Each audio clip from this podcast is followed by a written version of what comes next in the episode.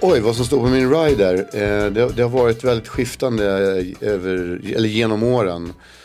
Eh, I början så visste vi inte ens vad rider var. Så då stod det väl bara typ några öl och, och sådär. Men sen så när vi började lära känna andra band, bland annat typ Backyard Babies och sådana som var ute och turnerade. Så såg man ju deras riders och då var man lite avundsjuk. Så då vill man ju ha hur mycket som helst. Men vad hade de då? Ja men de hade väl sjukt mycket sprit liksom. Eh, och eh, mycket Jack Daniels liksom. Det var ju, gick ju den det var liksom den imagen de höll. Och sen så var det ju så att eh, vi hade väl en period när vi larvade oss och hade allt från bilbanor till gungstolar, radiostyrda bilar. Ett år, eller ett, ett år, en, en, ganska lång period körde jag Eh, jag, jag irriterade mig på den här reklamen, trisslotter, eh, som, som har en copy som är plötsligt så händer det.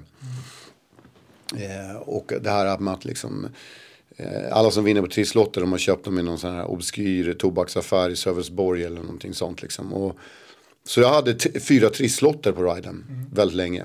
Och eh, vi hade ett jätteskrap för dem där och eh, tror vi vann typ möjligtvis 1700 spänn. Så det här att det plötsligt så händer det, det stämmer inte. Ja, plötsligt händer det att man vinner 1700 spänn. Ja, men, men vi, då ska du veta mot bakgrund att vi skrapade 200 lotter också. Men eh, Men idag så är det, eftersom jag eh, är lite äldre och ehm, eh, gillar eh, vin så kanske det står någon vinflaska eller två liksom på riden. Och sen så... Ja, vad för vin?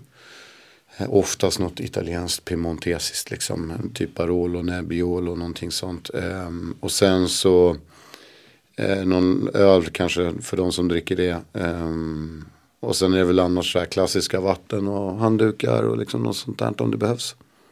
Du, den här bilbanan blir jag lite nyfiken på. Vad gjorde ni med den? Lekte ni med den? Ja, men jag vet inte. Det var, vi var, det var väl den här liksom, vilda bananrepubliken-turnén när man liksom Dels för liksom, det var kul att se hur mycket arrangörer liksom engagerade sig. Vissa arrangörer var ju liksom, de sket ju fullständigt i det där. Andra arrangörer tog ifrån liksom fotknölarna och man kom in till rena leklandet liksom i logen. Eh, gunghäst hade vi väldigt länge också. Eh, det är barnsligt. Men, men eh, man får också ta in då att jag har varit artist i väldigt många år. Det har du, en av Sveriges största artister nämligen som sitter mitt emot mig nu. Jag heter Fredrik Rahlstrand, han heter Petter.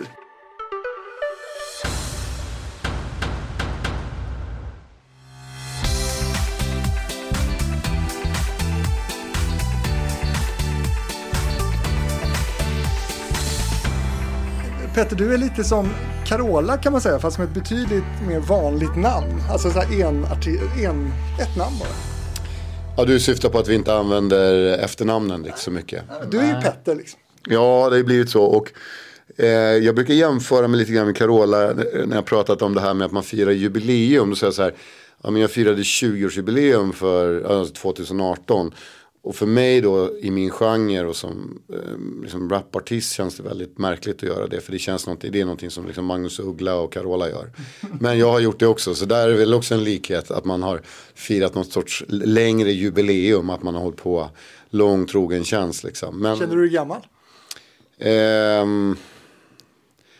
alltså jag känner mig nog både ja och nej på det sättet. Jag jag känner mig, eh, jag känner mig nog som 47 år. Men jag känner mig som en ganska ung 47-åring. Och jag känner mig nog, alltså det är rätt intressant det här i musikbranschen. För att är det någonting som man tänker på när man blir lite äldre. Det märker, man märker ju att det finns en, ålder är mycket viktigare idag än vad, det, än vad man trodde när man var yngre.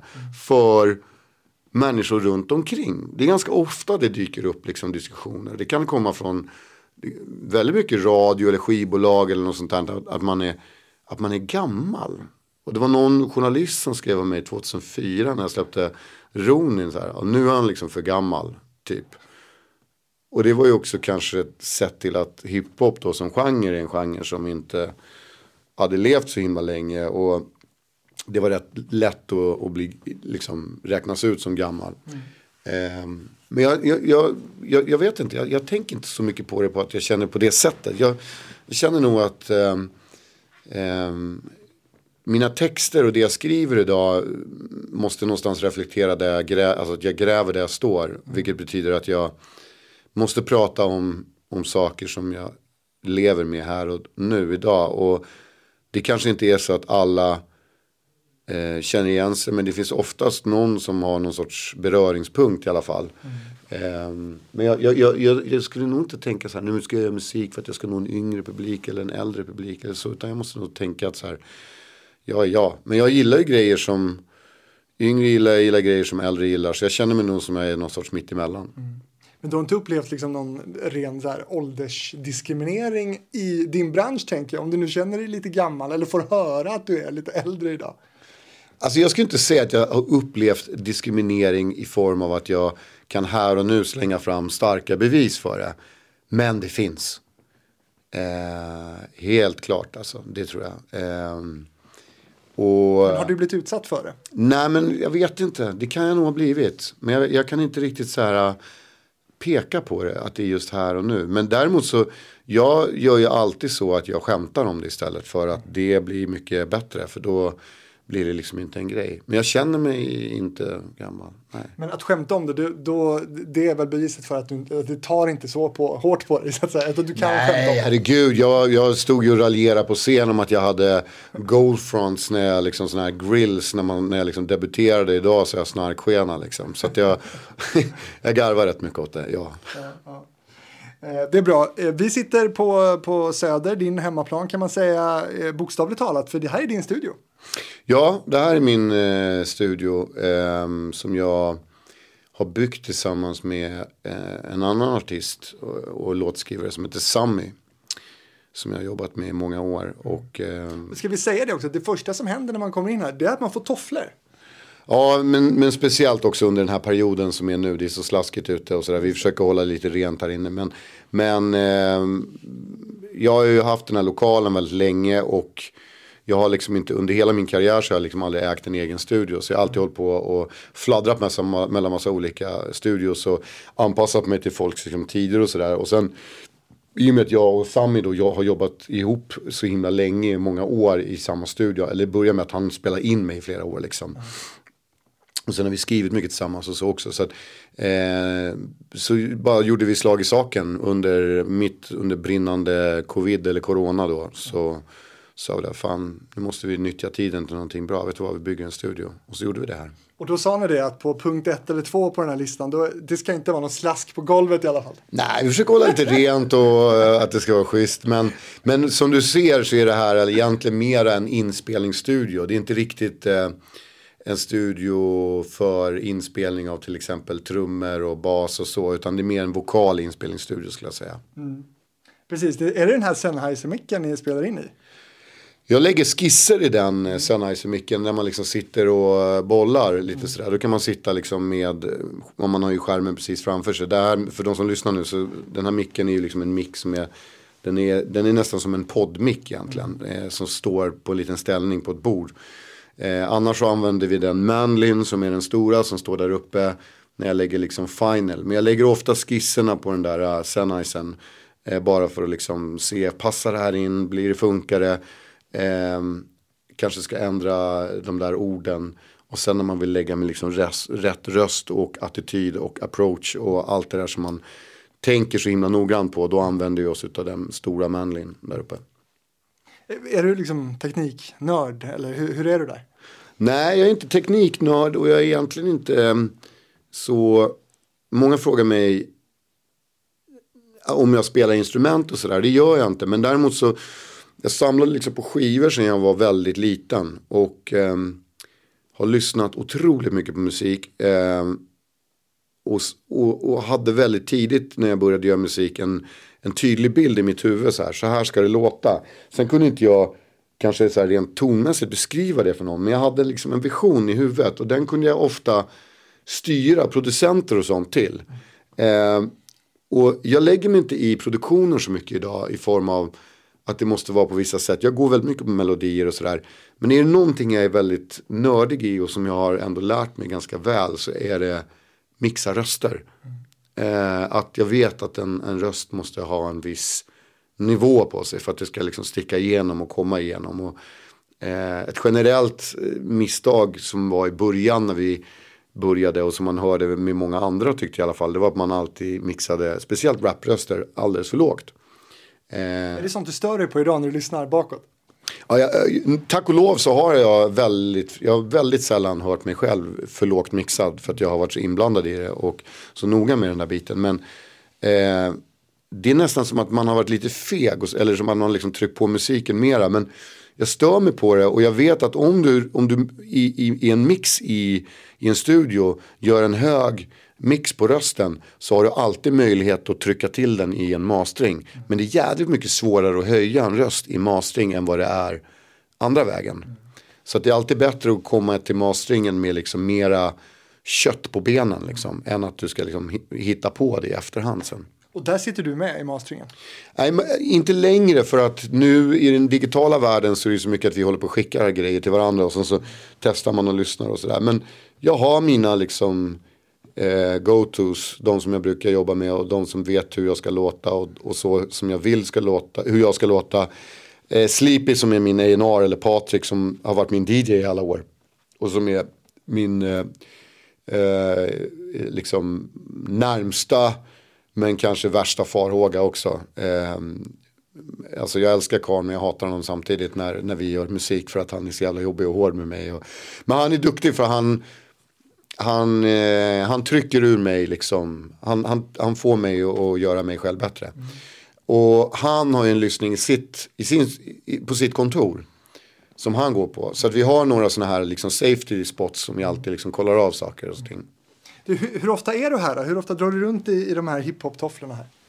Eh, ja, men jag och Sammy hittade varandra för att vi eh, båda var så otroligt disciplinerade. Jag är så fruktansvärt less på att jobba med, jag jobbar med, om, om du tittar på min track record och mina låtar och allt det där. Jag jobbar med väldigt mycket artister liksom. Och det gör jag för att jag älskar att jobba med andra människor. Och alla människor som jag jobbar med, många av dem har jag liksom egentligen varit jag har haft dem som idoler. Jag har liksom verkligen känt att fan vad, den där personen är så himla mäktig. Jag, fan vad grym Sabina Dumba. Jag skulle vilja göra någonting med henne. Liksom. Eller vad det nu är för någonting. Och, eh, men, men, samtidigt så, och när jag hattar runt i alla studior så jag blev så trött på Folk vill liksom börja jobba klockan tre på dagarna. De vill ju ofta jobba nätter. Liksom jag har för mycket annat att göra. Jag har ett liv med massa barn. Och så här, jag, jag kan inte liksom leva den där uh, livet att jag ska sitta sent på nätter i studio. Så jag går oftast hit tidigt. Mm. Och Sammy och jag, ska jag vara helt ärlig, första året när vi hade studion, då var vi här klockan, utan överdrift var vi här sex ibland mm. på morgonen. Vidrigt ju. Det är många som tycker det, men om du tittar på mina låtar så kan jag nästan säga alltid klockslagen när de är inspelade. Eh, det kan vi testa genom avsnittet. Det kan vi testa. Eh, och, och, och jag kan säga att mestadels är inspelat innan klockan tio på morgonen. Mm. Men är det några andra av dina artistkollegor som du då ser upp till och som du har samarbetat med som har liksom fattat den grejen att de ska inte börja så jävla sent? Nej, men alla måste ju få jobba efter sitt eget schema. Men, men det finns väl en generell känsla av att ganska många vill gå till studion så här klockan tre på eftermiddagen. Mm. Eh, och vid den här tiden, nu sitter du och jag tre, fyra, då är jag liksom, jag har precis spelat in en låt idag. Eh, och jag, jag började titta på en annan låt, men jag var, och den är så viktig för mig, jag var, nej, jag kan inte ens gå in på den här för att jag, jag är inte vass just nu. Och jag måste vara vass. Och vass är jag mellan sex till typ ett på dagen. Är du trött nu? Va? Är du trött nu? Ja, det börjar bli liksom. Men, men, men eh, jag, är ju, jag tror att det handlar också om att jag är en hyperaktiv människa. Alla pratar väldigt mycket om diagnoser, vi pratar om ADHD och alltihopa. Men i mitt fall så handlar det mycket om att jag hittar mina verktyg och jag vet när jag är som bäst, jag vet när jag är som vassast. Och mest kreativ är jag och gör det bästa ifrån mig eh, när, när, på morgonen. Alla mina bra texter och låtar har jag skrivit på morgnarna. Vi testar det nu då när vi ska lyssna på den första. Eh, för när jag går i gymnasiet då finns det en låt som mer än någon annan strömmar ur kafeterians högtalare och det är den här. Jag ger lektioner, förklarar funktioner för personer som missar poängen, dissat hela svängen. Året här är alltså ungefär 98-99 och det här blir en stor hit. När skrevs den här? Jag tror att jag skrev texten, eh, jag kan ha påbörjat den innan jul precis 97. Och eh, jag tror att den var klar eh, januari 98, alltså själva texten. Mm. låten släpptes augusti, juli, augusti 98. Men, men klockslaget vill jag ju ha nu. det här skulle jag säga att det var eh, när vi var, bodde i Sundsvall eh, på vandrarhemmet, jag och Thomas Rushak. Och då hämtade alltid Kolenos klockan typ eh, halv tio på morgonen. Och då åkte vi upp och började jobba och spela in. Så jag skulle gissa på att den här är också så skriven ganska tidigt. Jag brinner för det här permanent. Aldrig för stunden naturligt bunden med kärlek som cement. Vi bygger från grunden på allt skit som har hänt. Det är min tur nu. Bilden har vänt. Ta oss gärna med nu då till hiphop-scenen här i, i Stockholm 98 då du slår igenom. Hur, hur, hur såg den ut? Eh, alltså om man har tittat på den här dokumentären eh, Svenska hiphop-pionjärerna som har gått på SVT Play så tycker jag att de har lyckats ganska bra faktiskt att eh, liksom på något sätt återspela den tiden och den eran. För att eh, hiphop var ju en väldigt liten del då. Eh, helt klart en, en, en, stor kultur i USA och sådär men men eh, det man hörde på radio i, i Sverige var ju eh, Paparazzi med Exhibit eller eh, Gangsters Paradise med Coolio. Eh, det var liksom i stil med det. Och, eh, och jag tror att mycket av det som skulle göras var att det skulle vara på engelska. Eh, och det kändes liksom inte riktigt som att ehm, rap på svenska var den stora grejen förutom eh, liksom det som det var ju då Latin, Latin Kings med, med liksom Välkommen till förorten och precis släppt eh, Skuggan av betongen, fantastiska skivor. Eh, speciellt Skuggan av betongen. Eh, och, men, men det var något vakuum liksom. Någonting som var där bubblande som var på gång. Och jag, i min värld så tror jag att jag var liksom jag ville vara en del av hiphop sen jag kom i, i, kontakt med det och jag hade skrivit på, på svenska men, men knappast vågat visa upp det för mina kompisar för att det fanns liksom någon sorts, ja, att det var lite ironiskt att göra det på svenska. Det var liksom inte riktigt på riktigt. Och då, min, min, mitt sökande handlar väldigt mycket om att hitta ett uttryck på svenska med ord och uttryck, output, beats, liksom en helhet där det kändes som att det här var någonting som var jävligt autentiskt för mig. Eh, gjorde väldigt mycket egna jämförelser till grupper som typ Gangstar med, med Premier och Guru. Um, Hur länge sedan är det här för dig liksom mentalt? För jag tänker när du ser dig själv då från, ja, men, säg den här videon, Vinnarna av vänt, den Petter där. Vem var han? Alltså det, för mig är det där ett jättehopp tillbaka i tiden. Kanske inte så mycket om du hade frågat mig den här frågan för tio år sedan. Men jag känner att det har hänt mycket med mig de senaste tio åren. I liksom form av mognad och utveckling och alltihopa. Så jag känner ju kanske igen den där killen rätt bra. Men, och jag känner igen tugget och språket och hur jag uttrycker mig. Men jag har också det här jävla anammat liksom som jag hade i texten på Vinden Event.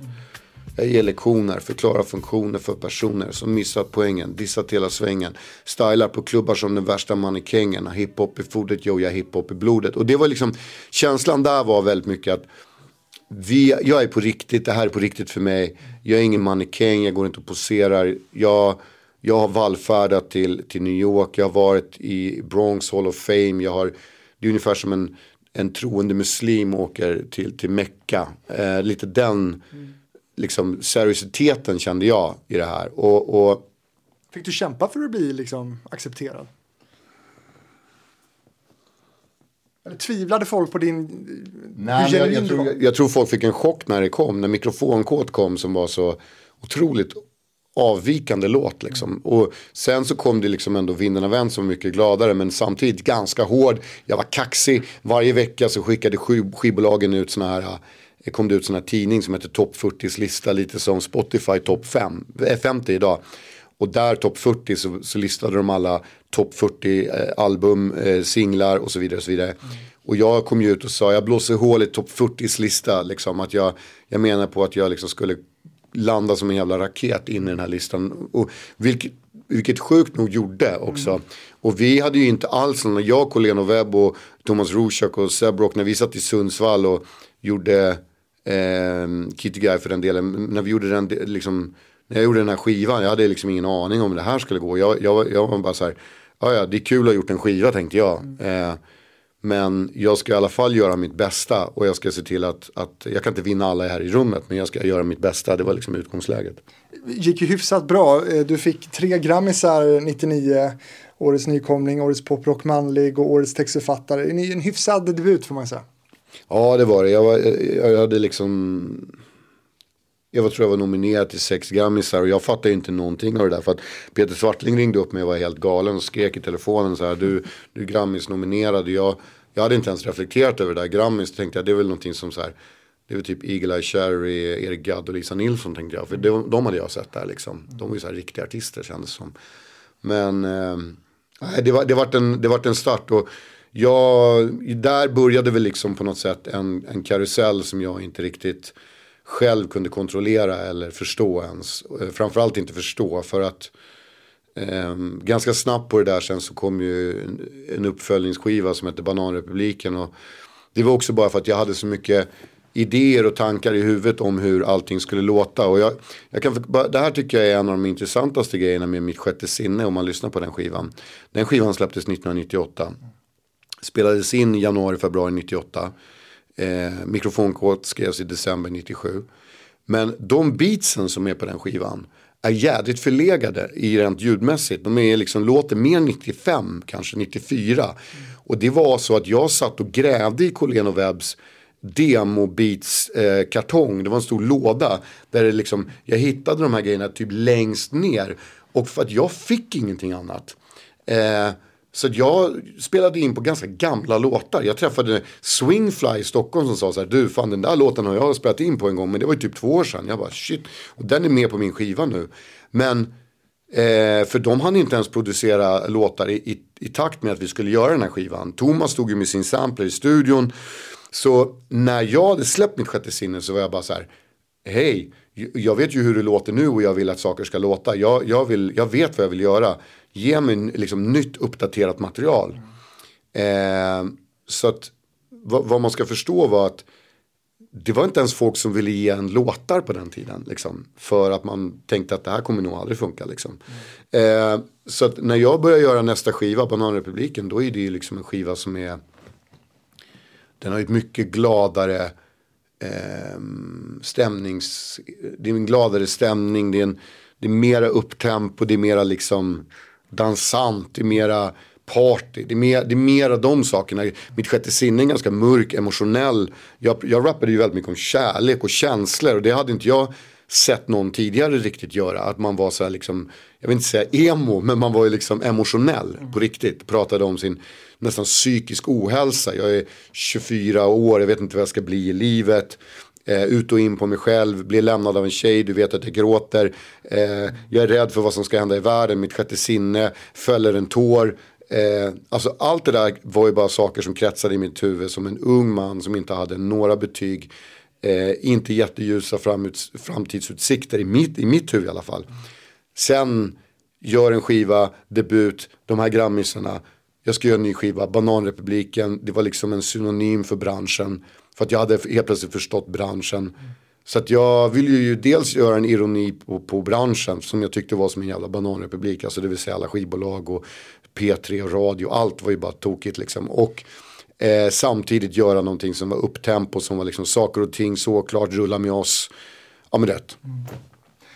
Kan vi bara stanna kvar vid texterna lite? För du citerade ju Vinden har vänt här nu och du snackade också lite grann om det här med din mognad. Att du har, mognat nu senaste tio åren bara. Eh, och texterna är ju så centrala i hiphop. Alltså, hur lätt har du att skriva text och vad har hänt med, med, med ditt sätt att skriva text från då till nu? Eh.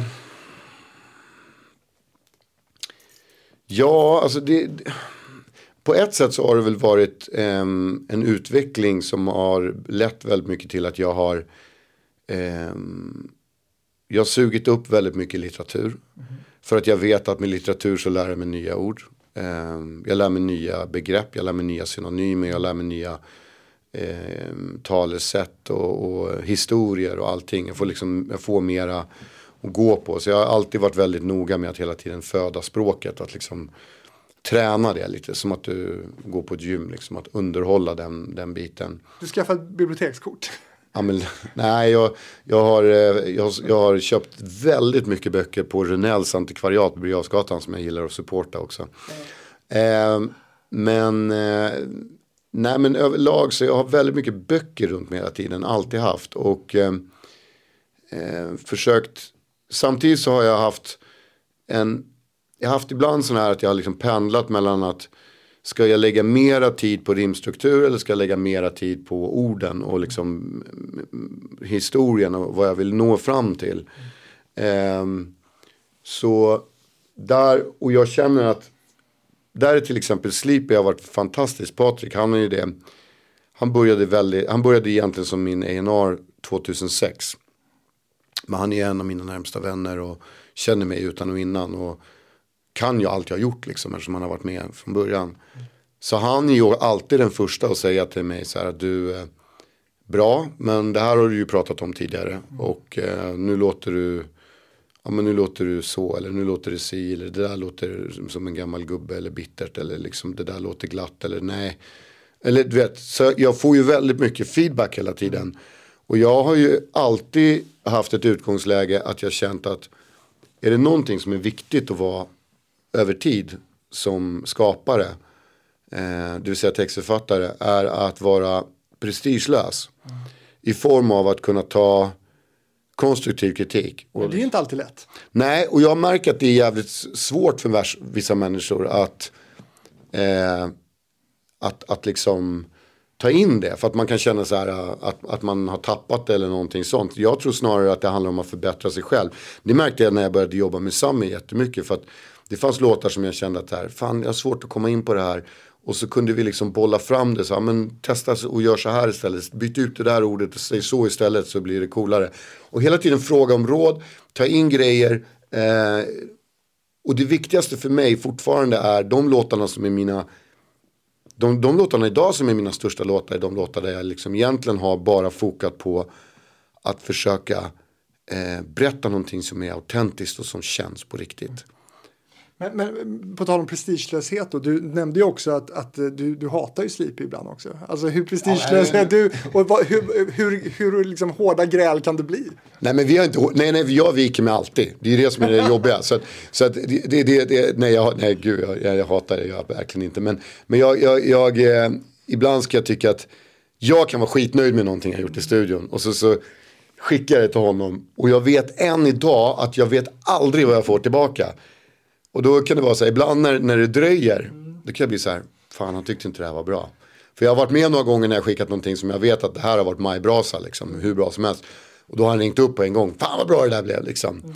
Så ibland när det dröjer så blir jag så här, nej, nej, nej. Han och dröjer, då kan det vara typ ja, en kvart. Då, ja, då börjar jag så här, tolka det som att, här, nej, han tycker det här var skit. Ja, nej. Men det är inte som att jag är osäker, det var att jag tycker att det är viktigt att jag vet inte, jag, jag, jag, jag måste våga, liksom, jag, jag tycker det är viktigt att kunna fråga de som är min närmsta krets. Mm. Är jag på rätt spår? Är, är det liksom, för ibland så kan jag inbilla mig grejer med mitt eget huvud. Och jag kommer aldrig vilja göra musik där jag liksom gör musik slentrianmässigt. Utan text är liksom, det är därför jag är här mm. idag. Det är det jag kommer ifrån, det är det som är det viktigaste för mig. Eh, det måste kännas 100% för mig eh, hela vägen. Och när man har hållit på så länge som jag har gjort så är det ännu viktigare att känna att man liksom på något sätt för fanan framåt. Förstår du vad jag menar? Alltså att jag inte liksom jag är livrädd för att bli en artist som stagnerar i form av att jag bara återupprepar mig själv. Och gör det jag precis gjorde. Jag brukar prata om det som att att göra en skiva är som att bestiga ett berg. Ja, jag gjorde en skiva med Vincent och Salem och Magnus Lidehäll. Hette början på allt. Fy fan vad bra den blev. Eh, vi skrev, jag skrev och spelade in den där på liksom, ja, typ två månader. Nu ska jag göra en till skiva. Fan vad bra den där skivan med Magnus och de blev. Jag kanske ska gå till dem igen bara för att den förra skivan blev så bra. Men det gjorde jag inte. Mm. För det är som att bestiga ett berg. Igen, samma berg. Mm. Jag måste hitta nya berg att bestiga. Och hela tiden flytta mig framåt och liksom försöka ta saker vidare. Kanske börja sjunga lite grann. Testa vad kan jag göra i den världen? Vad kan jag göra i den där världen? Klarar jag av att rappa på ett sånt beat som låter sådär? Eller ja, hej och Jag tänkte vi skulle tillbaka till 1900-talet igen lite grann bara. Eh, för saker och ting börjar röra sig för dig. Ey, om jag startar som en nolla Men kunde trolla, fick branschen att kolla, blev Söders Och det är ganska snabbt. Alltså det mottagandet du får där eh, med dina första stora hits. Kan du inte berätta var, var, var du hamnar någonstans då? Alltså i form av att eh, jag gjorde ju den skivan väldigt eh, själv på något vis. För att det som hände var ju att när mitt sjätte sinne kom ut så eh, helt plötsligt så var det superhett med svensk rap igen enligt eh, skivbolagen som hade liksom sagt nej till mig tusen på alla skivbolag nästan förutom då eh, BMG som jag varit signad utav Peter Svartling. Så då började det eh, liksom trilla in andra rappare. Eh, och Webb var ganska upptagna då helt plötsligt och andra producenter var också upptagna. Jag skulle göra min nästa skiva. Så jag började gräva och fick fram liksom låtar som passade i, i det stuket som jag ville att de skulle vara. Eh, du måste jobbat sjukt mycket här tänker jag med spelningar och gig. Hur, hur såg din kalender ut? Ja, men den var galen. Jag turnerade ju som en dåre och jag hade Thomas Rusak var ju med mig eh, och Sleepy. Men sen skulle Thomas Rusak eh, hoppa av och börja spela in sin skiva Magic Villa. Tack och lov, med tanke på hur bra den blev. Och det här var ju kanske 99 februari, runt Grammisgalan 99. Så vad som händer är att eh, jag eh, tar in en kille som heter Ainai Blomqvist, Henrik Blomqvist. Som eh, börjar åka med mig och eh, Patrik på turné. Och eh, under den processen så blir vi så otroligt tajta på scen. Eh, så jag inser att det här vore kul att ha med honom på nästa skiva också. Eh, och jag och Henrik under en ganska, ganska roliga liksom, eh, sessions i mitt kök på Kocksgatan skriver låten Saker och ting. Varav jag har mina verser och jag liksom hade en idé om att så här, jag vill göra en call and response refräng i form att jag frågar dig och du svarar. Så jag sa så här, Ejo vad händer mannen? Och så kom ihåg att han gick hem och så kom han tillbaka en dag senare typ. Och så sa jag så här, men har du funderat på det här? Jag bara, jo vad händer mannen? Ja men saker och ting börjar röra sig. Är det sant mannen? Varenda jävel kommer att höra det. Alltså i, i hans sådär fantastiska flow som han har. Eh, och där någonstans så, så liksom knockade vi ut den refrängen.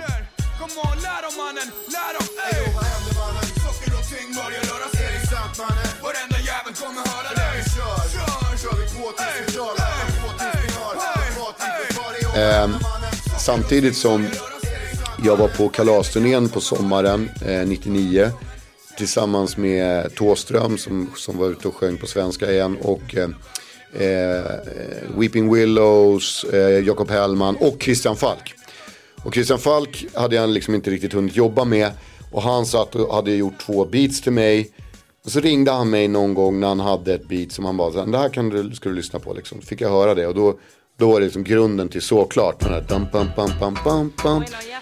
Men då var ju Christian Falk så här, Christian Falk-jobbig. Så han var så här, ah, jag vet inte om du kan få det här, jag ska skicka det till USA. Det var jävla många producenter som alltid sa till mig, Colén och Webb bland annat. Nej men Nas han har lockat det här, nej men den har lockat det här. Så man fick alltid stå och vänta på massa beats för att det fanns liksom management i USA som hade sagt att de, sagt att de skulle ha de här låtarna. Liksom. Vilket nästan aldrig hände då. då liksom. eh, men saken är den att Christian Falk är sådär, liksom, nej jag vet inte. Liksom.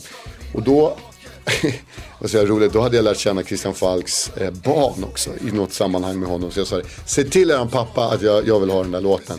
Vilket jag vet inte om Christian tyckte det var kul eller om han blev så här eh, kränkt och arg som Christian kunde bli. Eh, men saken var att han sa till mig så här, du måste göra någonting riktigt bra på det här, annars får du inte, sa han. Tillbaka till Koksgatan i köket, jag och Aina sitter där. Eh, och jag har den här, eh, ska vi riva hela haket, släng händerna i taket. Varav Aina sitter och bara, Ey grabbar, diggar ni det ni ser? Du vet, ba, ba, ba, eller ey alla grabbar, jag vill ni ha mer? Brudar, diggar ni det ni ser? Och sen boom, hooken ute.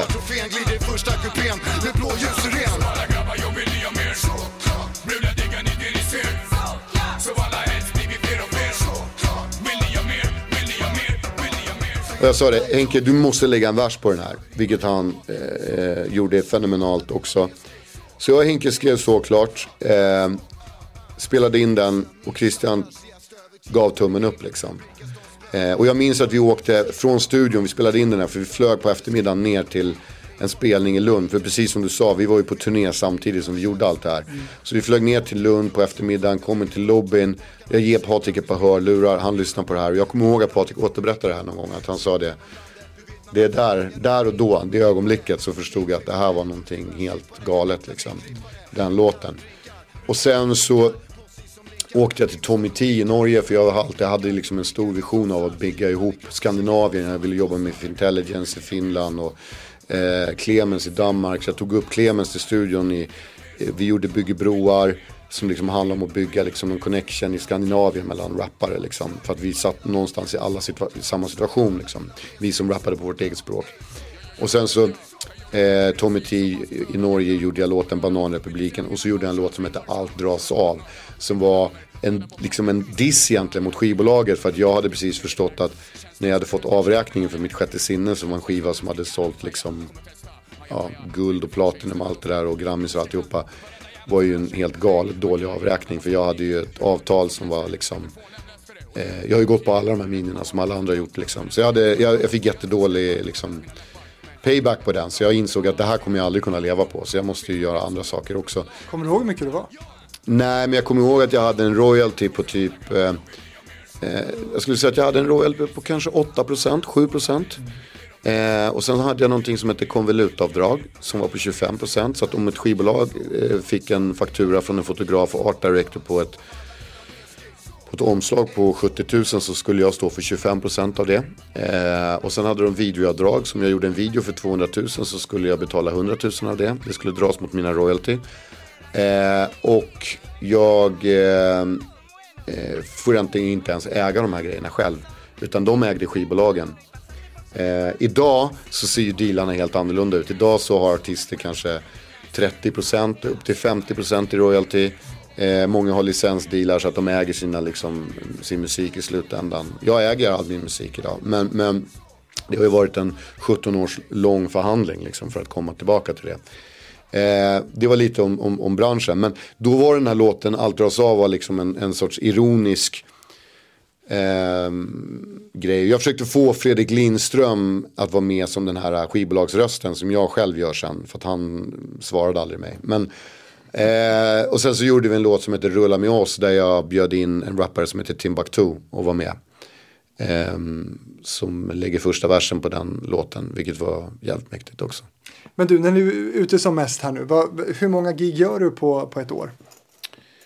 Ja, men på den tiden så, eh, jag, vet, alltså jag kan bara dra min stora penseln med att säga att vi gjorde säkert i alla fall en 100, kanske 150 på ett år eller någonting sånt. Vi låg nog på, vi gjorde mycket liksom, vi spelade mycket. Plus spelar in i studio och gör nya skivor. Hur, hur mår du här? Eh, men jag började nog gå ner mig ganska mycket. Jag började kröka rätt mycket också på turnéerna. Liksom. Så drack rätt, blev som, vi visste ju inte riktigt hur man skulle bete sig som artist. Så vi började ju dricka ganska mycket sprit och sådär. Och... Asfull på gunghästen där. Ja men lite så. Det var eh, Umeå där. Jag har ett stort jack i huvudet här. För jag sprang ju in i en stolpe på scenen. Liksom. Det började spruta blod ur skallen på mig. Så jag gjorde ju mycket sådana där liksom. Jag var liksom ung artist där, som man var. Och... Eh, Um, men var ändå väldigt fokuserad, väldigt målinriktad liksom, i form av att, uh, att i, liksom pusha min musik framåt och, och, ta saker vidare. Så att jag, jag, uh, och jag hade liksom en, alltså om man tittar på min första skiva så hade jag extremt mycket gäster. Mm. För att jag ville på något sätt showcasea dem och visa upp att vi var många som höll på med det här. Mm. Uh, så att det var nästan som en showreel för svensk hiphop. Och jag hade också en idé om att, att många andra rappare skulle signas liksom, på skivbolag. Så vi skulle bli en genre precis som rock var eller precis som pop var eller indie eller vad det nu var för någonting. Liksom. Um, så då var det inte så konstigt heller att jag sam samtidigt fick en förfrågan från Hasse Breito om att starta en label på BMG och signa artister. Mm. Gjorde det, det första jag kunde göra. Och det var där jag då signade Feven sen senare. Men du, jag måste bara fråga här, för, det känns som att du, du är, beskriver dig själv som en ung artist här. Du går ändå på de här klassiska minorna. Du får liksom för dåligt betalt. Eh, du går ner dig ganska rejält i alkohol och det som du berättar om. Gå ner mig skulle jag inte säga, men jag, jag, liksom levde ju, jag levde inte så hälsosamt. Nej. Jag gick från att vara liksom eh, ganska vältränad och, och liksom slank till att liksom äta skitmat och mm sena kvällar, liksom, den grejen. Men, Men vad hade du för folk runt dig? Vem fångar upp dig här? Liksom? jag hade egentligen inga riktiga bra rådgivare nära mig. För att eh, antingen så hade de ju satt mig i de här avtalen liksom. Så saker som förändrade mig och hela min situation, det var ju när jag började jobba med eh, en kille som heter Johan, Bli- Johan Lindqvist på Blixten på Company 2008. Det är därifrån vi liksom vänder saker och ting på riktigt. Där hade jag ju då en, en soldat och rådgivare än idag och han är en av mina närmsta idag i form av liksom att göra smarta saker och lära mig hur saker och ting ser ut. Men jag tycker också att det är ganska intressant att precis som alla andra, jag har precis gjort det där. Jag har gått på alla de här klassiska minnena, Skrivit på konstiga skivkontrakt och signat bort min musik. Och, eh, men, men det är lätt att vara efterklok liksom. Jag, det är inte att jag ångrar inte någonting egentligen. Jag bara, det var vad det var. Liksom. Jag lärde mig jättemycket av det. Jag lärde mig att driva en label som jag inte fick någonting för heller. Och väldigt sådär jag, och jag är inte alls bitter eller någonting sånt. Jag är tvärtom, jag har bara sugit in alla de där erfarenheterna och liksom eh, delar gärna med mig av dem till yngre idag. Och, jag, liksom, och gärna peppa och inspirera om vad man faktiskt kan göra och inte göra. Liksom. Jag flyter med känsla Ey yo, jag rimmar på från underground nivå Siktar mot toppen så långt jag kan nå Kommer in, rullar hårt i Stockholms terräng Det är titeln av en låt, jag är mikrofonkåt Ey yo, jag Hur mickkåt är du idag? Alltså, du siktade mot toppen så långt man kan nå. Har du nått dit du vill nå musikaliskt idag? Just här och nu är jag ju eh, vrålkåt, eh, skulle jag vilja säga, eh, på mikrofoner. Nej, men jag, jag, eh, jag har otrolig rapparglädje just nu. Eh, Är det pandemins fel? Eller skuld? Eller ja. Nej, det tror jag inte. Jag tror att det handlar väldigt mycket om att jag har byggt den här studion faktiskt. Att jag har mitt eget högkvarter, jag har min egen plats att vara på. Jag kan känna att jag är ganska fri här och kan skapa så som jag vill göra. Men sen är jag också inne liksom i en sån riktig skrivarperiod nu. Och eh, eh, jag har stått på scen ett tag nu och gjorde den här En kväll med Petter nu när vi hade recensionerna var nere. Och det gick jättebra och var superkul. Så att jag, nej gud, jag, jag, jag tycker att det är fruktansvärt roligt. Och skulle jag inte tycka att det var kul att göra det slentrianmässigt så har jag lovat mig själv att slänga in handduken. Liksom. Så är det. Mikrofonkåt, vad har du för relation till den låten idag? Eh, att det är, mikrofonkåt är min eh, älskling. Det är min, eh, det är min darling. Det är min, det är min liksom, ehm, ja jag tror att det är mitt opus liksom sådär. För att eh, Magnum Opus, det är någonting nu för det, med den låten. För att den är, den gjordes i en mörk period. Jag var lämnad i en relation. Jag hade precis fått ett skivkontrakt. Jag var livrädd, visste inte vad jag skulle göra. Åkte upp till Sundsvall. Peter Swartling sa till mig så här. Gör en låt som är så jävla hård så radio inte ens vill ta i skiten, sa han. Och det enda jag kunde komma på var att göra någonting som var eh, liksom lite sådär vulgärt. Mik- Att säga mikrofonkåt på den tiden var liksom, det stack ut. Och grejen byggde på att mikrofonkåt var ju också en grej av att så fort du gick ut på en hiphopklubb i Stockholm, fanns ju inte så många, men om du gick ut på någon och du träffade andra som rappade.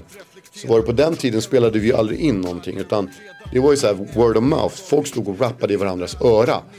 Så om jag träffar dig på en nattklubb då står jag och drar in dig i något hörn och så, så börjar jag spotta en massa bars i ditt öra så du bara står och lyssnar så här. Och jag gick ju omkring och man bara lyssnade och hörde folk hela tiden. Och var det så att det fanns en mikrofon någonstans då var ju alla på den där micken och ville hålla i den liksom. Så det var lite den känslan att så här, jag är mikrofonkåt. Alltså den, du vet, nu är här, nu kommer jag, sparkar in dörren liksom. Och det var liksom att representera sitt område. Från Slussen, Nordstull, Zinkensdamm, Vietnam, samma stam, huliganer, bakkleptomaner, mickpyromaner, kumpaner, blåar som ett gäng militanta veganer. 1200 kattare, barrackare. Barrackare, det var liksom Gustaf Fridlund och jag, vi snodde flaskor ur baren på krogarna. Eh, eh 1200 kattare, det var liksom Sleepy, Ville, alla de som kattade med 12, text, eh, 12 tior. Så det fanns, en, det fanns en, en verklighet bakom allting också. Minns du alla dina texter? Nej, men jag minns ju de här som vi pratar om Ja, nu. det här är ju stora Jag har ju haft en så här, jag har ju haft en så här prinsambition en gång att jag skulle lära mig alla mina texter, alla mina låtar så jag skulle kunna spela dem när jag ville. hur som helst. Men det har jag insett att det är helt omöjligt. För att min hårddisk är full. Jag måste liksom ta ut någonting i huvudet och stoppa in annat. Ja. Det här är Smiley till buss för de som undrade vem det är grejen är. Jag har FC, tjejen du fem Det här Petter är en av mina favoritlåtar med dig. Eh, har, har du vant dig vid hits och framgångar här nu? Det, det, de, de fortsätter, det går bra. Det här var en extremt mörk period för att jag hade gjort en skiva som heter Petter som kom efter Bananrepubliken och som då skulle på något sätt leva upp till liksom framgångarna utav Såklart och Saker och Ting och alltihopa, vilket det inte gjorde. Men den var ändå jävligt solid liksom med Ta det tillbaka och, och flera andra låtar som, som var väldigt bra på den skivan.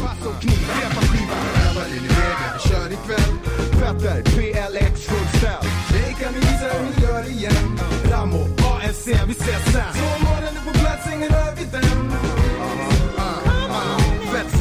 skaka din bak ikväll. Släpp loss man, nu river vi hak igen. Eh, så där någonstans börjar jag liksom hamna i en situation där jag inte eh, bokas lika mycket längre. Eh, går ur en, en, relation, hoppar in i en annan, eh, blir pappa. Eh, mycket turbulens kring det. Och ska börja göra en ny skiva. Och jag känner mig som en outsider i svensk hiphop. Så jag kallar mig själv för Ronin. Ronin är liksom den här äh, samurajen som går sin egen väg och liksom är liksom nästan fredlös, laglös och, och, inte har något riktigt hem eller en bas liksom någonstans. Eh, och jag tror att i allt det där så liksom kom det fram, jag åkte till New York och träffade producenter där som jag började jobba med, skrev en låt som heter Fredrik Snortar och Cecilia Syn.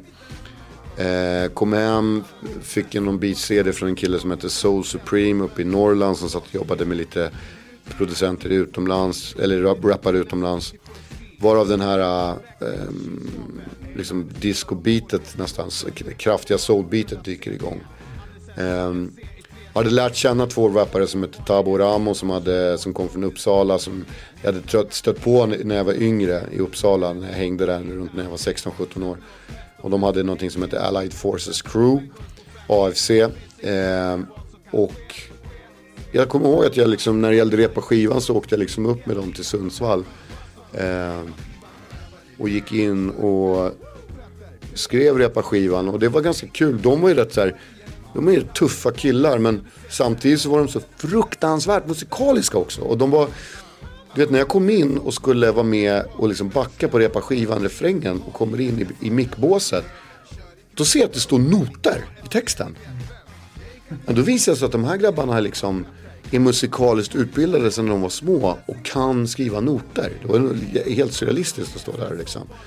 Eh, men den låten blir ju såklart en bomb. Vilket jag inte alls tänkte eller trodde då. För jag liksom hade ju satt mina kort på, på Fredrik Snortare som var liksom en omskrivning av den gamla förbjudna kärlekshistorien mellan Fredrik Åkare och Cecilia Lind. Vilket jag tyckte var, det fanns en verklig historia med en, en Fredrik, Åker, äh, Fredrik Snortare, en, en, en, en kille som missbrukade väldigt mycket kokain. Mm. Och en yngre tjej i ett sammanhang som jag liksom, ja, skrev en historia om. Och det sjuka med den låten, Fredrik Snortare vart inte någon direkt hit då. Den vart ju ganska sågad sådär av journalister och så. Men men den tog liksom fart och fick ett eget liv eh, de, de kommande åren. Och blev en så kallad Visby-hit som jag brukar kalla det för. En sån här som funkade på sommaren i Visby. Nej, men, eh, och repa-skivan var ju liksom som ett otroligt starkt komplement till det. Men framförallt så var ju repa-skivan, när jag började att skriva på den låten så tänkte jag så här, fan kan jag ens rappa så här snabbt? För på den tiden var det inte normalt att man hade beats som gick så där fort. Mm. Eh, men det gick och framgångsrikt också. Eh, och sen möter du upp det med en, eh, ytterligare en hit då 2006, Det går bra nu.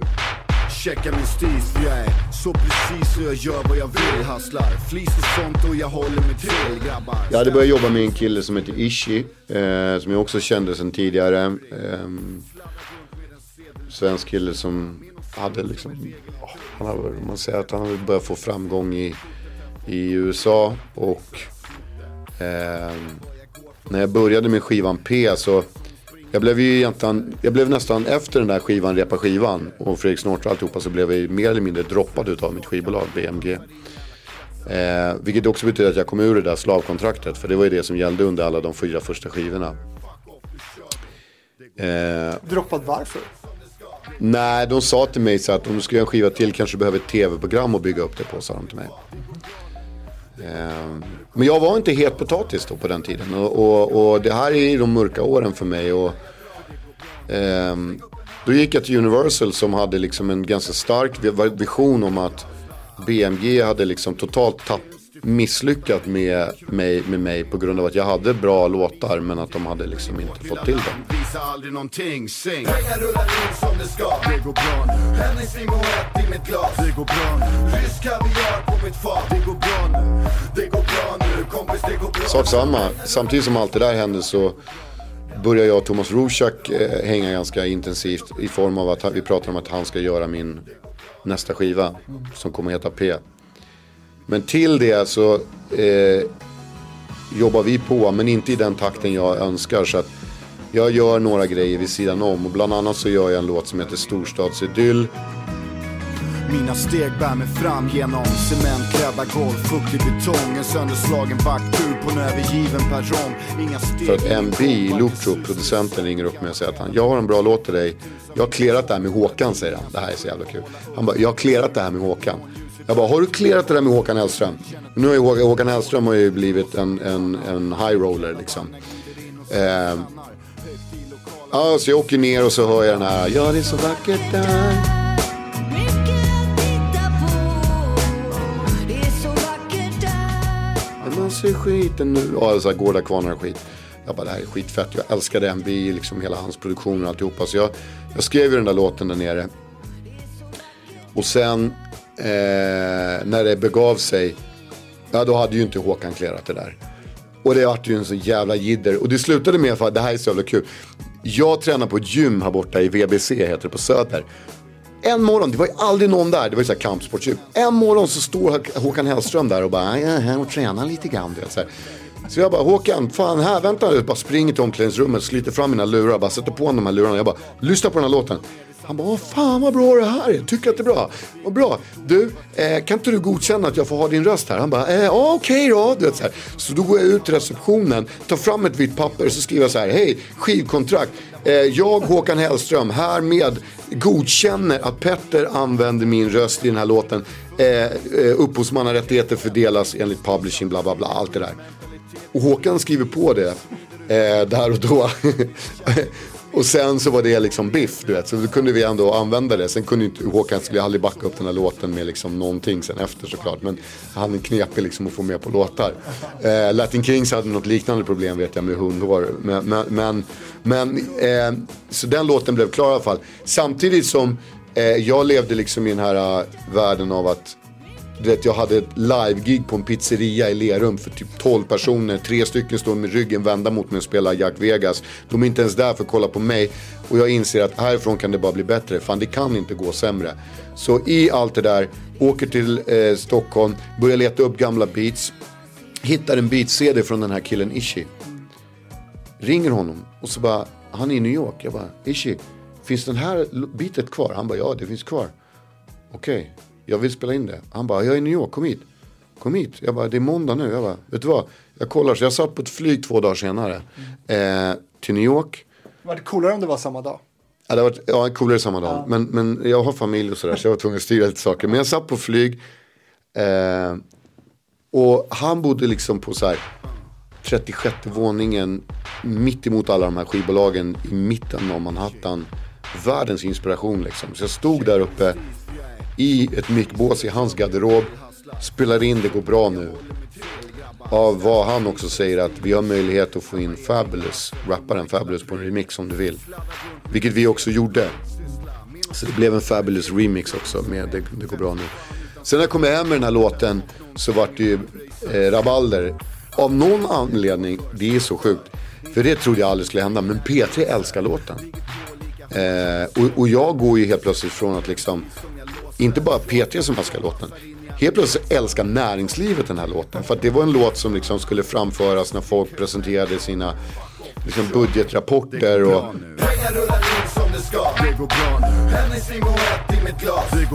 Eh, ja, men det var en sjuk grej. Jag kommer ihåg att jag var uppe på P3 Guldgalan och skulle spela den här. Och jag ser hur strängen i Helicopters, som jag för övrigt kände, men som ligger på golvet och viker sig och är bara så här efteråt fick jag, då, då låg han, det, han bara skrivit, vad säger karln? Vad, vad, det här är helt galet, vad säger han? Pengar rullar in som det ska, det går bra nu. Rysk kaviar på mitt fat, det går bra nu. Fan det kan du inte säga i Sverige. Det är för fan jantelag här. Folk blir rap, rapkollegor, kända rappare. Ringde till mina kompisar, vart superprovocerade, vart så här, du vad fan säger han? Han ljuger ju, det går åt helvete för honom. Det där stämmer ju inte liksom. Men sakta men säkert så, det går bra nu, tar fart och blir en hit.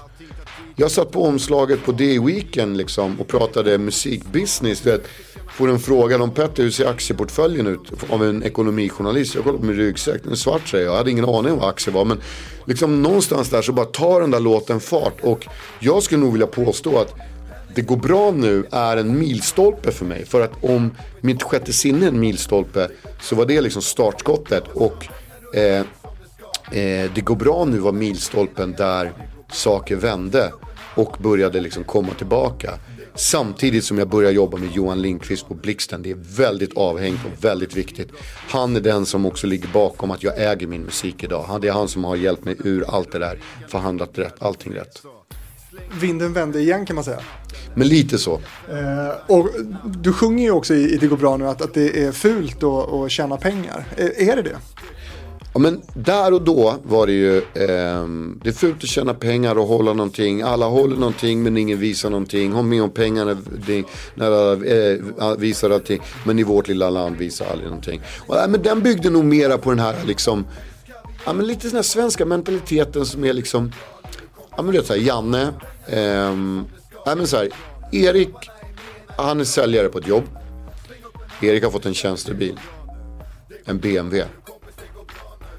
Det blir lite jobbigt. Det är en ganska fet BMW. Han kommer hem till, eh, han bor i ett radhusområde, kommer upp. Janne granne står och grillar. Ser när Erik kommer upp med den här BMWn och bara Jävlar! Och jävlar vilken fet bil, här går det bra vet du. Det första Erik säger är bara ja fast de, de, jag måste ha det på jobbet för att representera. Han ber om ursäkt. Och det är ju liksom vårt sätt att förhålla sig till. För att det var senast jag läste någon intervju med, med eh, David Lagercrantz som hade frågat han i, i Stjärnorna på slottet om hur mycket pengar han tjänar på senaste boken. Att man pratar inte om det i Sverige för det är vulgärt. Eh, men det här var ju den eran också. Idag så är det en helt annan era med kommersiella samarbeten. Jag var ganska tidig att jobba med liksom eh, Sprite till exempel. Och, eh, idag så ser du Timbuktu en BMW-reklam. Liksom. Det, det, det händer, det, det har förändrats rätt mycket genom åren faktiskt. Men, men inte det lite intressant då? För du, du nämnde alldeles nyss här hur du står på den här pizzerian med, med väldigt få i publiken, ingen bryr sig om dig. Eh, till att det faktiskt har gått så sjukt bra för dig. Alltså Bananrepubliken omsätter ju liksom 16 miljoner årligen. Alltså, i, idag och du är ju en superentreprenör idag. Tycker du att det eh, liksom är jobbigt?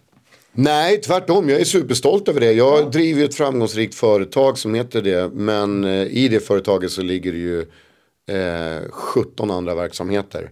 Så att det är ju inte enbart eh, musik jag håller på med. Liksom, utan jag gör ju många andra saker. Men Vad är mest lukrativt för dig idag? Vad, är- vad är det som gör att, du, att, att det går så bra?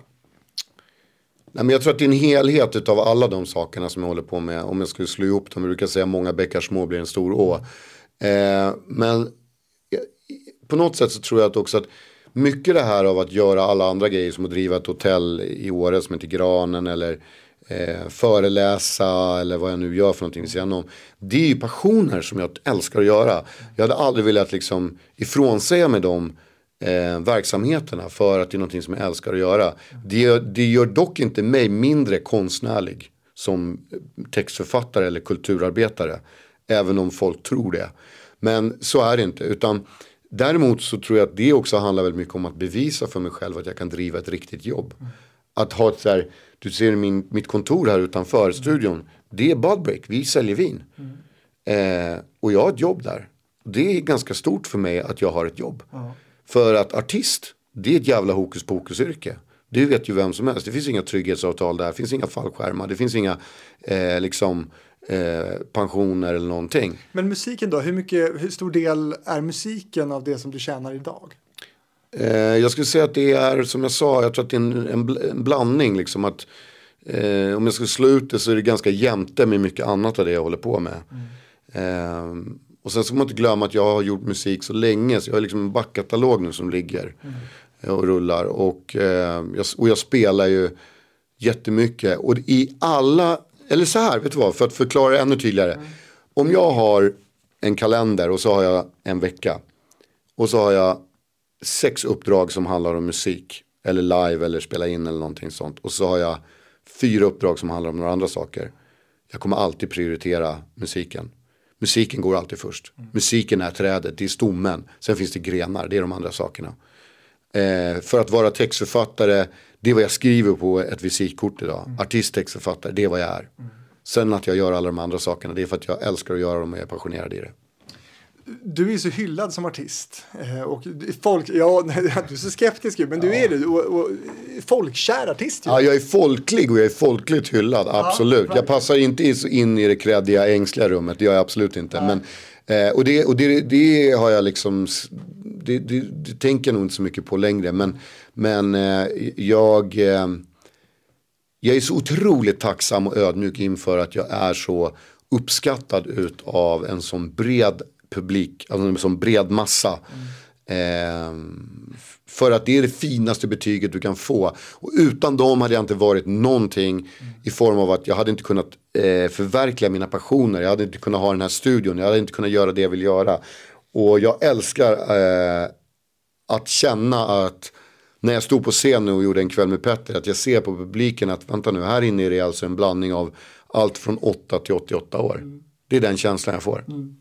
Men då är det kul med den här kontrasten, för, för du fick ju också kritik här under coronapandemin för att, för att du då som har så otroligt mycket tillgångar i dina företag och gick med liksom 4 till 8 miljoner i vinst även under pandemin och ändå då att du skulle ha försökt få någon slags eh, coronastöd och sådär.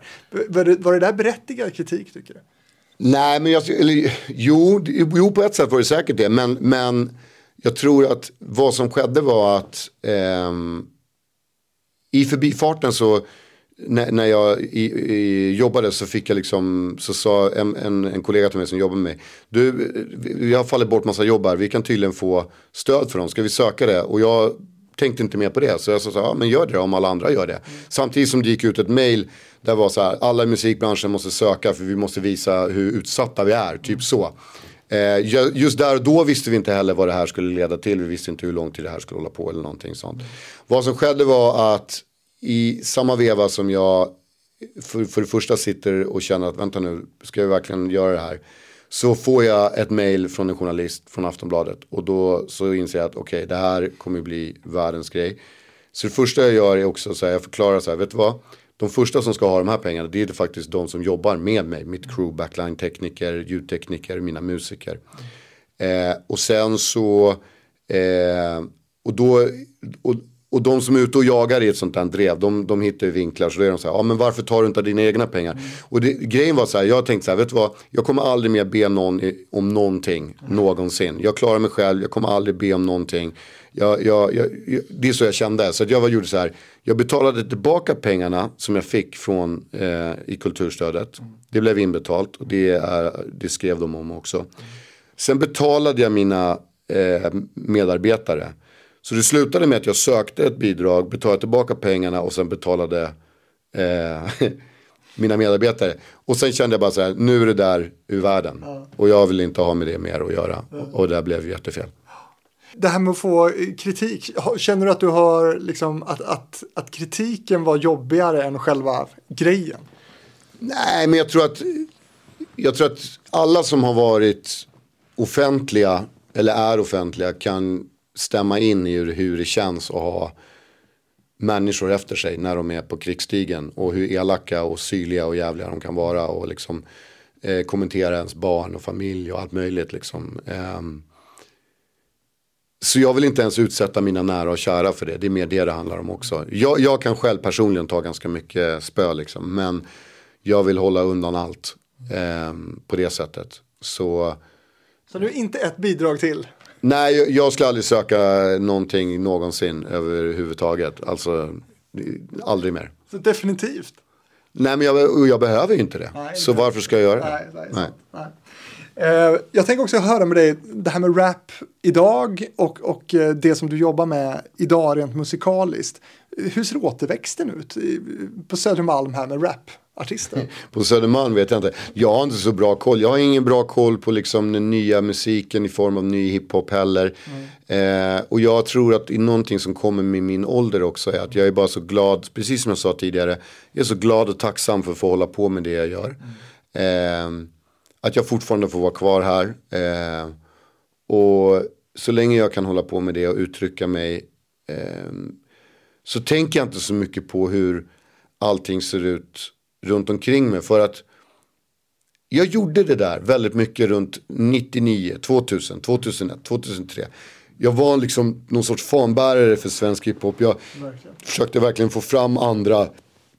Och jag gjorde det jättemycket. Idag så kan någon annan göra det. Jag älskar att jobba med nya unga förmågor. Jag älskar att samarbeta med andra artister. Jag tror, jag tror jättemycket generellt sett på samarbetet liksom, mellan människor. Eh, jag är sjukt driven. Jag är jätteambitiös. Jag gör inte för... ehm, jag gör inte musik för pengar. Jag gör musik för att jag älskar att göra det. Jag behöver inte göra musik för pengar. Inte idag. Eh, och jag känner att det viktiga för mig är att, att skapa någonting som, som berör och som förändrar människors liv. Eller framförallt mitt eget. Jag har på något sätt alltid haft musiken och textförfattandet som en, vad ska man säga, en terapi. Att så här, jag skriver, eh, jag skriver för att ehm, skriva av mig. Lite som självbalsamering, som en terapi.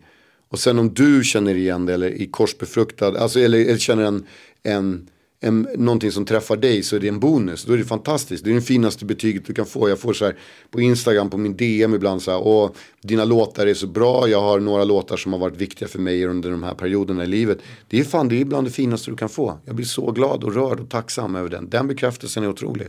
Spelar du in grattishälsningar till folk också? Jag spelar in alla grattishälsningar som jag får. Jag har en tvångstanke kring det där. Att jag gör alla bröllopshälsningar, alla gra- grattishälsningar. Jag skulle aldrig ta betalt för det. Det är väldigt många som frågar mig om jag vill ha betalt. Jag skulle aldrig göra det. Eh, för att jag ser det snarare som en, någonting jag ger tillbaka till dem för att de gillar mig eller lyssnar på, på det jag gör. Nu har jag fattat att jag har gjort så mycket bröllopshälsningar så att jag är en institution på bröllopen. Det är eh, pappas tal till dottern, det är wienervalsen, det är kaffet och, och guldkanten och sen så är det en petterhälsning. Men du, det här med återväxten och på tal om det, det när man pratar om hiphop mycket nu, eh, då handlar det ju väldigt mycket om eh, Einar, har det ju handlat väldigt mycket om. Vad, vad, hade du någon relation till honom? Nej, inte alls. Det är bara fruktansvärt, fruktansvärt djupt tragiskt. Och det där är inte eh, isolerat till just hans fall utan det har ju pågått väldigt länge. Väldigt många unga män som har dragits ner i en fruktansvärd våldsspiral. Och det är ungefär vad jag kan säga om det. Gangsterrap som man kallar det. Ja, det är väl vad de kallar det för idag. Men har du lyssnat någonting på de här texterna som ju är otroligt liksom eh, grova? Jag är ju liksom, jag kan inte säga att jag har, ehm, jag är så, även idag, jag lyssnar inte ens på ny amerikansk rap på det sättet. Jag, jag lyssnar på Nas när han släpper en skiva för att det är liksom någonting som jag identifierar mig med. Um, och jag tror att det, jag har nog alltid haft en, tittar man på mina Spotify-listor idag, hur de ser ut så är det, är det väldigt kopplat till liksom den sortens hiphop som jag är fostrad i och växte upp med. Och blev förälskad i också. Men tycker du att det är en intressant diskussion där, du som har skrivit så mycket texter? Jag menar, vad, vad har man då, alltså vad kan man skriva för texter och vilket ansvar har man för de texter som man skriver och ger ut? Jag tycker att man kan skriva vilka texter som man vill om man vill göra det. Det är väl konstnärligt fritt uttryck liksom. Sen finns det alltid konsekvenser av vad man säger. Så har det väl alltid varit. Alltså, jag kan ju tänka på det när jag har skrivit texter om jag är jag har alltid varit väldigt personlig i mina texter. Alltid varit väldigt eh, emotionell och personlig. Och ibland så vet jag att det kan vara det kan bli obekvämt för folk runt omkring mig som lever i en nära relation med mig. Och jag ibland måste fråga dem om jag, är det här okej liksom. Eh, så det är klart att det finns konsekvenser med alla texter. Och sen om de är eh, utlämnande eller om de är våldsamma eller vad de nu är för någonting. Det, det kommer alltid finnas i, jag tror det blir farligt att gå in och kontrollera konsten. Jag tror det. Ska P3 spela som musik? Har ju också varit en debatt om. Men jag lägger mig inte i P3 och hela den där debatten för det känns bara så, det känns som att de har målat in sitt hörn där. Du, då undrar jag, du har ju varit med i Så mycket bättre, du har varit eh, liksom en av coacherna i The Voice eh, och medverkat mycket i tv och sådär. Men någonting som du inte har gjort, det är Melodifestivalen. Nej, det har jag inte. Men min kära kollega här i studion, Sami, gör ju det. Så det är, jag får min beskörda del. Hur många frågor har du fått om det genom åren? Vet inte, jag har fått några gånger tror jag. Men jag tror att de, jag fick ett tag och sen tror jag att de gav upp på mig. Um, och jag vet egentligen inte vad skälet är. Men jag tror bara att det inte riktigt är mitt, det är inte riktigt min arena. Som jag känner mig liksom inte bekväm där. Men jag har inget problem med Melodifestivalen eller så. Det är inte så att jag ser inte ner på det eller någonting sånt. Det är, det är en stor eh, musikalisk svensk institution liksom. Eller europeisk säger man väl. Ehm, Men varför har du inte varit med? Jag vet inte, för att jag inte känt för det. Vilken låt av dina låtar skulle gå bäst där tror du? Om du ska tävla i musik? Ja, men det är nog det det handlar om. Jag vill inte tävla i musik. Jag tycker inte att det känns aktuellt för mig. Är du en dålig förlorare?